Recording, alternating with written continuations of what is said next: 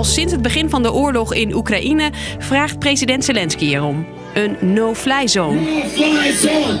No-fly zone! You have to enforce a no-fly zone. No-fly zone, hè? dus dat je het luchtruim gaat beschermen. Maar Europese landen, Amerika en de NAVO willen het niet. If we did that, we'll end up with something that could end in a full-fledged war in Europe, involving many more countries. Dus dat gaan we niet doen. Wat is zo'n no-fly zone? Waarom wil Oekraïne er een en waarom komt hij er maar niet? Ik ben Hilde en ik leg het je uit.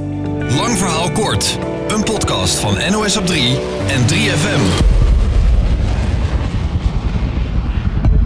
De grenzen tussen landen lopen over de grond. Maar ook in de lucht is het gebied van een land afgebakend. Landen kunnen hun luchtruim sluiten voor vliegtuigen uit andere landen. En als je dat gebied daarna beschermt, heet dat een no-fly zone.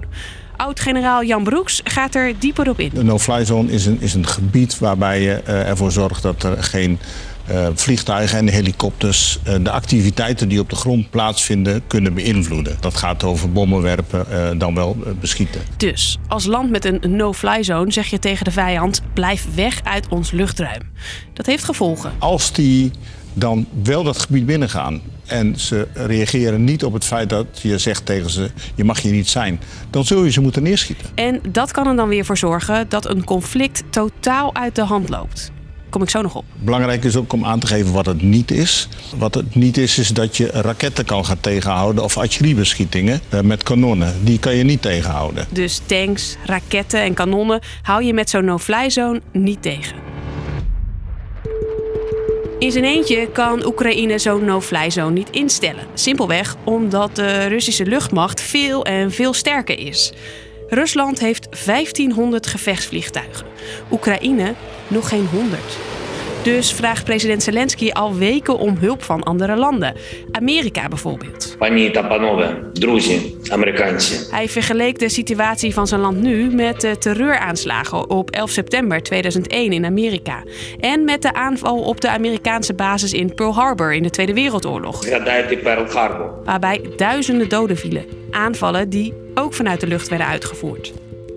Zo'n no-fly zone zou het de Russische troepen op de grond ook moeilijker maken. Want zolang Rusland de basis in de lucht, kunnen ze vanuit de lucht hun troepen beschermen en vijanden aanvallen.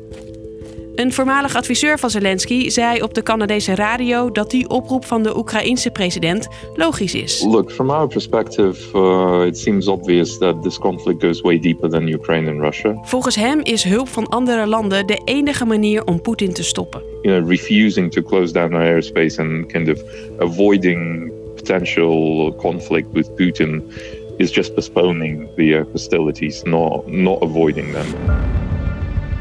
Maar elke keer als Zelensky bij andere landen aanklopt voor zo'n no-fly zone, krijgt hij nee te horen. Want om het luchtruim te bewaken, moeten straaljagers van NAVO-landen patrouillevluchten boven Oekraïne gaan uitvoeren, zegt NAVO-baas Stoltenberg. Of course, the only way to implement a no-fly zone is to send NATO planes, fighter planes, into Ukrainian airspace, and then impose that no-fly zone by shooting down Russian planes. En daardoor raken alle 30 lidstaten van de NAVO betrokken bij de oorlog. En als één daarvan zo'n Russisch vliegtuig uit de lucht schiet, kan de oorlog gigantisch uit de hand lopen. Ook premier Rutte is daar bezorgd over. Dan breng je het machtigste militaire bondgenootschap uit de wereldgeschiedenis, de NAVO, in een rechtstreeks conflict met de ene grootste atoommacht ter wereld, Rusland. Na Amerika de grootste atoommacht ter wereld. En dat heeft dus potentieel gevolgen die niet te overzien zijn die zo ernstig zijn dat die potentieel ook een gevaar kunnen zijn voor de hele wereld. En dus gooien Nederland en de andere NAVO-landen de deur dicht voor zo'n no-fly zone. Dus dat gaan we niet doen. De grens ligt bij sancties, humanitaire hulp, militaire spullen leveren, medicijnen leveren. Toch zou er een moment kunnen komen dat de NAVO-landen overstag gaan. Dat zegt Timo Koster, die jarenlang de directeur defensiebeleid was bij de NAVO. Met elk, elke nieuwe duizend doden en elke honderdduizend uh, vluchtelingen wordt natuurlijk het morele dilemma groter. En dan wordt het steeds moeilijker om te blijven toekijken. Dus, lang verhaal kort. Het gaat de laatste weken veel over een no-fly zone. Het luchtruim boven Oekraïne zou dan verboden terrein zijn voor Russische vliegtuigen. En die kunnen worden neergehaald als ze daar toch komen.